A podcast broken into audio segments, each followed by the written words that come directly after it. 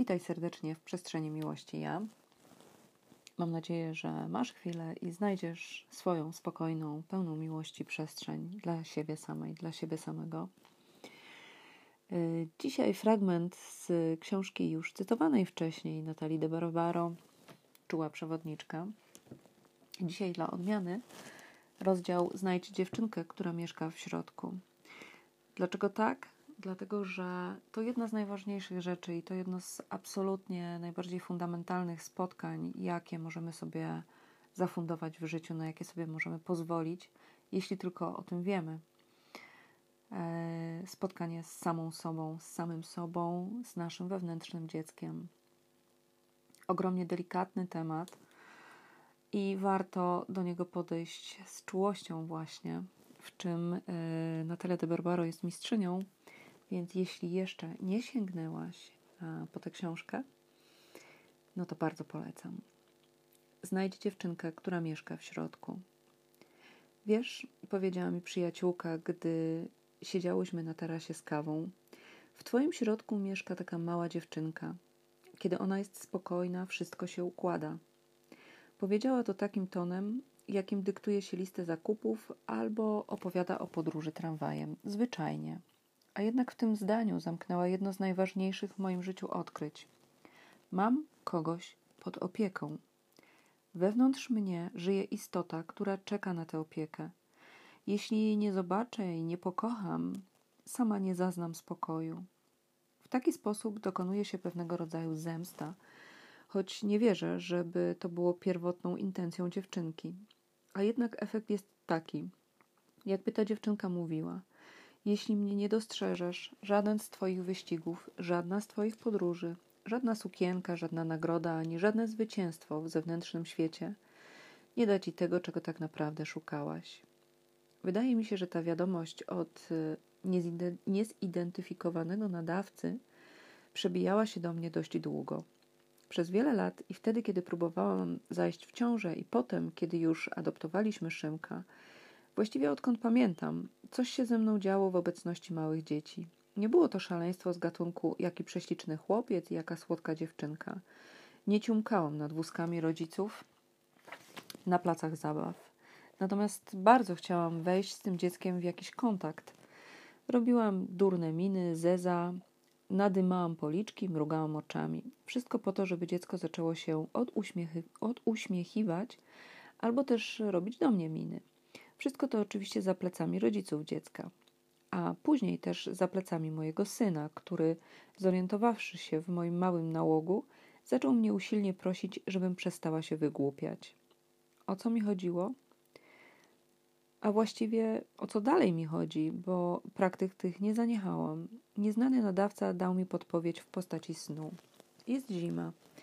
Stoję w pełnym rynsztunku na stoku narciarskim, podobnym do zakopiańskiego butorowego, na małym mostku, pod którym płynie górski potok. Rozmawiam z jakimś instruktorem narciarskim. Widzę, że z góry stoku nadjeżdża mój syn, we śnie może dziesięcioletni.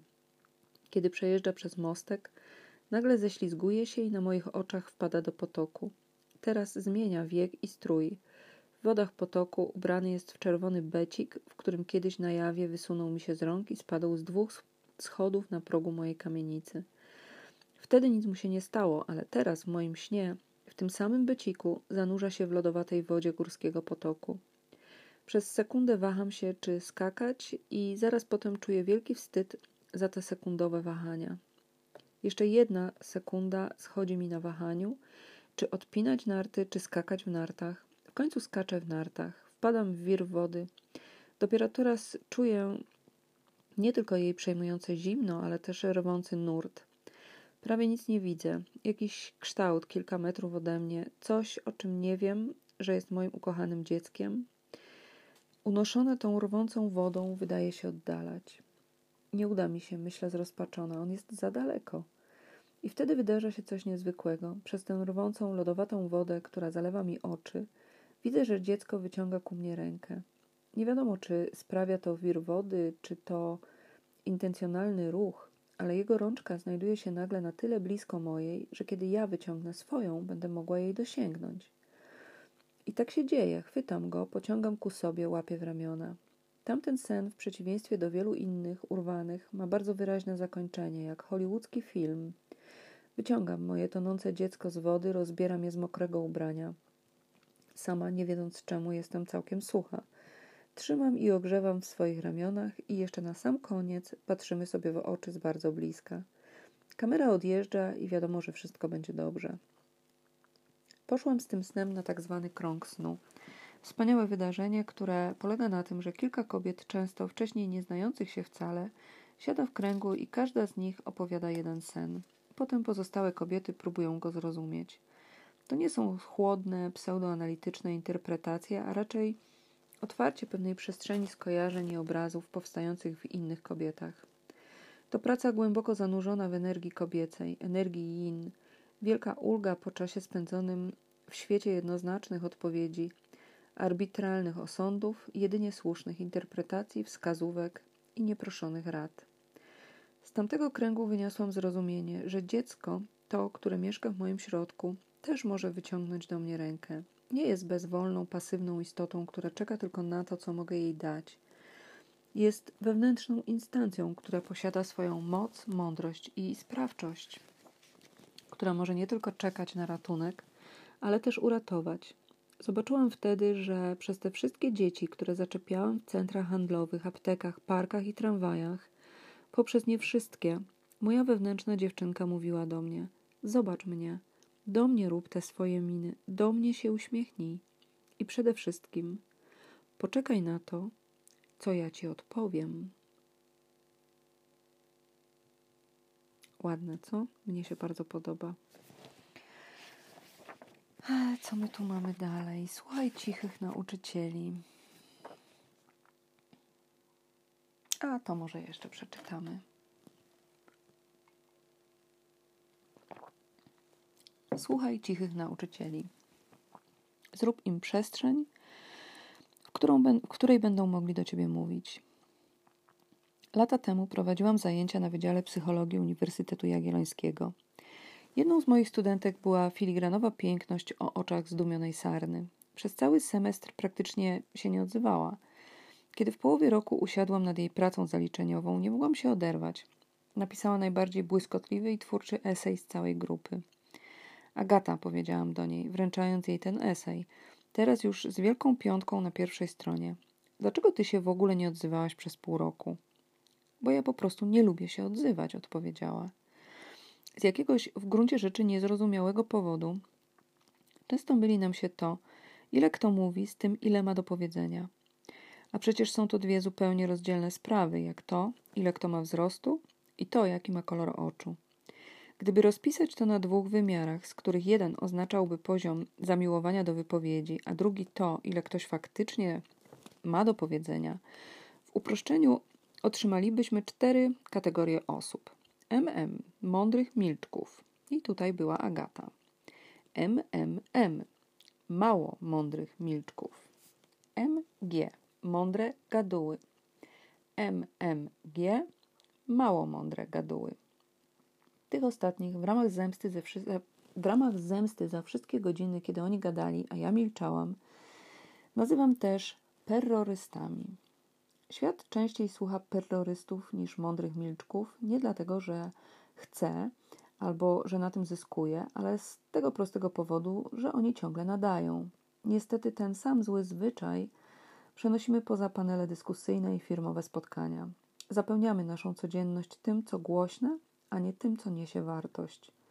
Nie mówię, że wszyscy nie, mów- nie mówię, że wszyscy nie mówią, że zawsze, ale jednak gdyby porównać, ile czasu spędzamy czytając dobre książki z tym, ile wchodzimy na głupie portale, ile czasu spędzamy na medytacji czy tańcu w porównaniu z tym, ile oglądamy głupawe reality show, te statystyki nie wypadłyby pewnie najlepiej. I nie jest to tylko nasza słaba wola. Walka tego, co głośne, z tym, co milczące, była, jest i będzie nierówna. Nasz świat zdominowali terroryści i terrorystyczna energia. Migają ku nam powiadomienia, o które nie prosiliśmy. Na ekranach telewizorów czerwone paski nakładają się na żółte. Na portalach migają nowe wiadomości. Nasi znajomi na Facebooku pokazują setkom osób zdjęcia tego, co zjedli na śniadanie. W drodze do pracy mijamy krzyczące ku nam billboardy. Słuchając równocześnie krzyczących ku nam radiowych reklam i powiadomień o nadejściu wiadomości w telefonie. Świat krzyczy ku nam. Świat cierpi na hiperekstrawersję. Zwłaszcza ci z nas, których e, można nazwać wysoko wrażliwymi, sama się do nich zaliczam, pod koniec każdego dnia marzą tylko o tym, żeby było pusto, cicho i ciemno. Tymczasem z każdym dniem coraz bardziej, coraz bardziej wyraźne staje się dla mnie, że moi najważniejsi nauczyciele są introwertyczni. Nie mówię tylko o ludziach. Jeśli o nich chodzi, uczę się i od introwertyków, i od ekstrawertyków, ale myślę o swoich wewnętrznych nauczycielach, przewodnikach. Widzę wyraźnie ich introwertyczną naturę. Przede wszystkim dusza.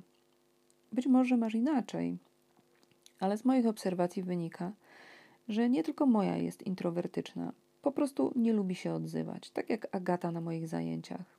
Potrzebuje szczególnego rodzaju przestrzeni.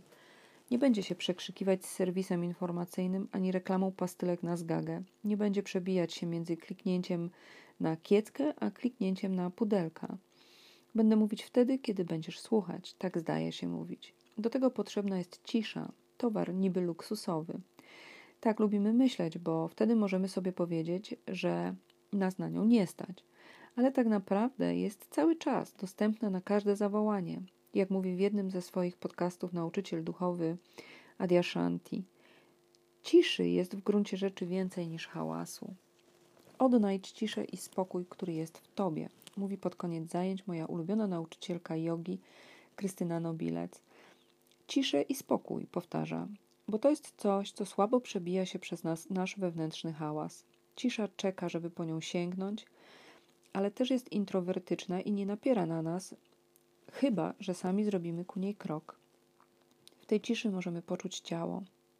To ciało, które długo znosi nasze harce, wyścigi, połajania i fast foody, a kiedy się buntuje, próbujemy zlekceważyć jego sprzeciw i przemy dalej, aż do momentu, gdy dłużej nie można już tego robić.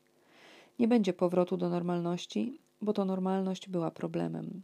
Taki napis sprejowany na murze udostępnili w mediach społecznościowych moi znajomi jakoś w szczycie pandemii. Lubię myśleć, że i to, co zaczęło się w grudniu 2019 roku, było wysłaną ku nas wiadomością i że nadawczynią tej wiadomości była Ziemia. Jej ciało, wcześniej zagłuszane warkotem maszyn produkcyjnych, klaksonów samochodów, wrzaskiem reklam, rykiem startujących i lądujących samolotów i wreszcie nieustannym terkotaniem naszych własnych myśli, aż zostaliśmy zmuszeni, żeby się zatrzymać. Dostaliśmy od ziemi żółtą kartkę. W swoim własnym życiu parę razy dostałam ważną wiadomość od mojego ciała. Jedną z nich szczególnie dobrze pamiętam. Pierwszy raz poszłam na jogę blisko 20 lat temu. Namawiana przez mądrą koleżankę. Poszłam, zachwyciłam się i zarzuciłam. Pamiętam jednak, że w chwili, gdy weszłam na zajęcia do podniszczonej sali koło krakowskiej hali Grzegórzeckiej, poczułam, że jestem w domu. To uczucie pozostawiło we mnie trwały ślad. Kilka lat później, w trudnym dla mnie momencie, wróciłam na zajęcia. Zaczęłam chodzić regularnie i robić tak zwane postępy. Przechodziłam do coraz to bardziej zaawansowanych pozycji i wtedy pojawił się ból w lędźwiach. Najpierw słaby, potem coraz mocniejszy, najpierw tylko na sali, kiedy wykonywałam skłony albo wygięcia, potem też poza salą. Serio? Myślałam ze złością, oddając stery królowej śniegu. Czemu mnie bolicie do cholery? O co wam chodzi? Pytałam swoich lędźwi, ale nie tak, jak pyta się, kiedy naprawdę chcemy usłyszeć odpowiedź. Łykałam tabletki, chodziłam na masaże. Wyruszając w trasę samochodem, wkładałam pod lędźwia specjalną poduszkę, prowadząc szkolenia zsuwałam się na róg krzesła, a ból trwał. Uważałam to za swojego rodzaju bezczelność. Czego mu brakuje? Temu ciału. Karmię jej, poję, prowadzę je na zajęcia, daję mu spać. O co mu do cholery chodzi?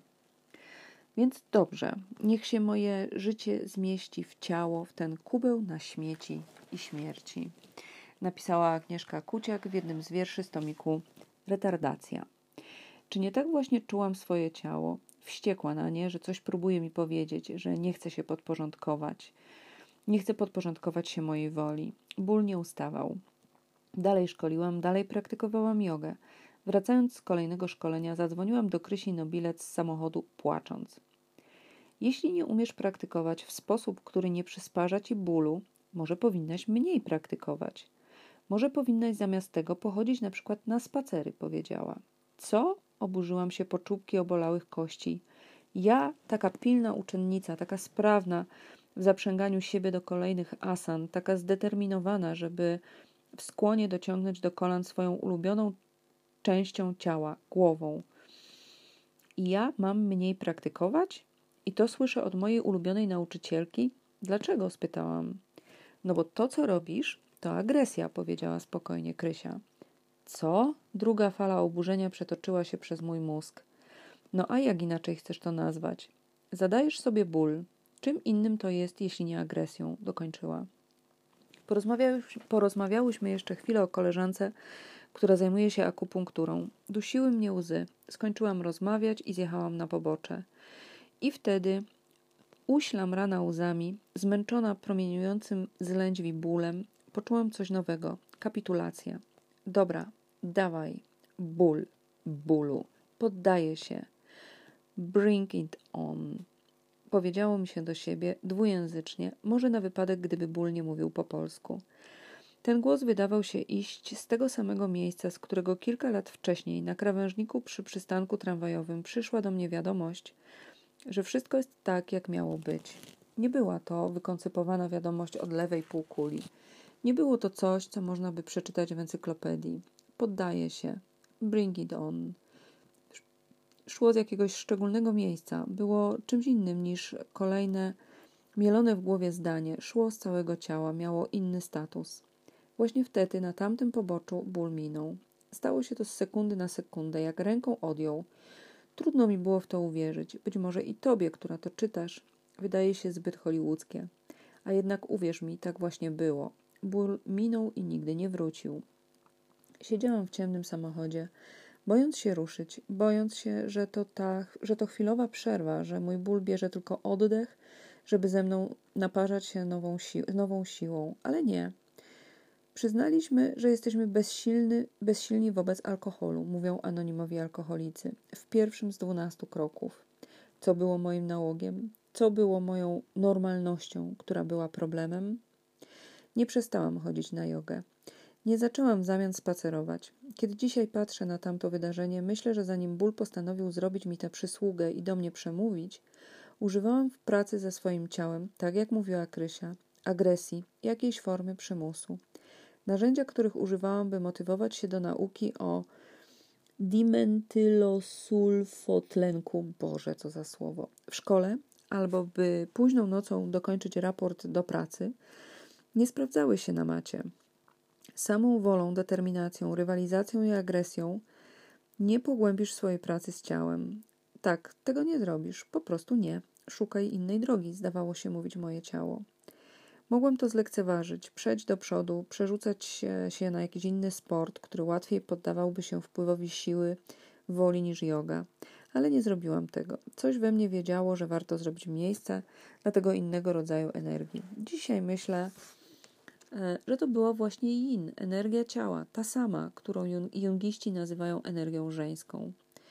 Że z tej pasywnej energii ciała pisana jest ta książka i że nie mogłabym jej pisać, gdybym używając słów Marion Woodman odcięła sobie od, odcięła siebie od szyi w dół i uznała, że jestem wyłącznie głową.